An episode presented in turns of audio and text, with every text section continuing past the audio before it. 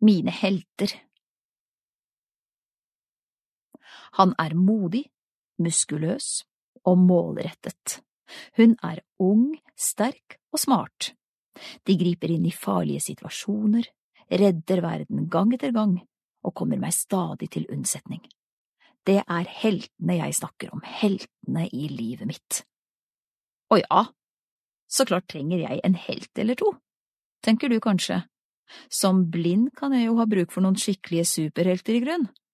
Det skal jeg love deg at jeg har.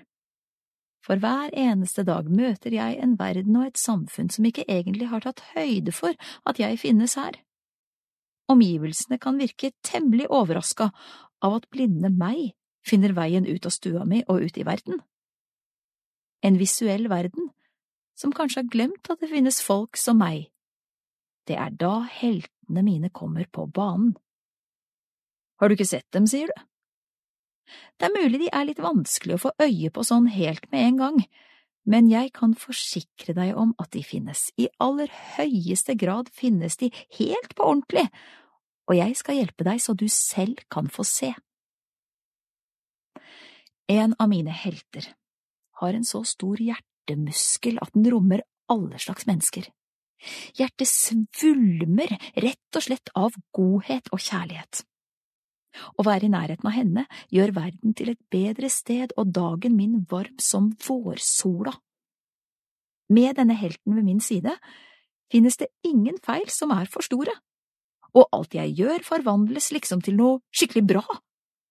Sammen med henne blir jeg verdensmester. En annen av mine helter er kanskje ikke akkurat ung, ikke hvis du måler i antall år men han har en ung manns blikk for drømmer og muligheter. Sammen med ham blir ingenting umulig. Alt blir forvandla til et spennende eventyr. Det som jeg selv og de fleste andre ville sett på som begrensende hindringer, blir gjennom hans øyne noe som bare må testes ut. Ved hans hjelp har jeg fått verden i gave på nytt den aller modigste av heltene jeg er omgitt av, går på skolen jeg jobber på.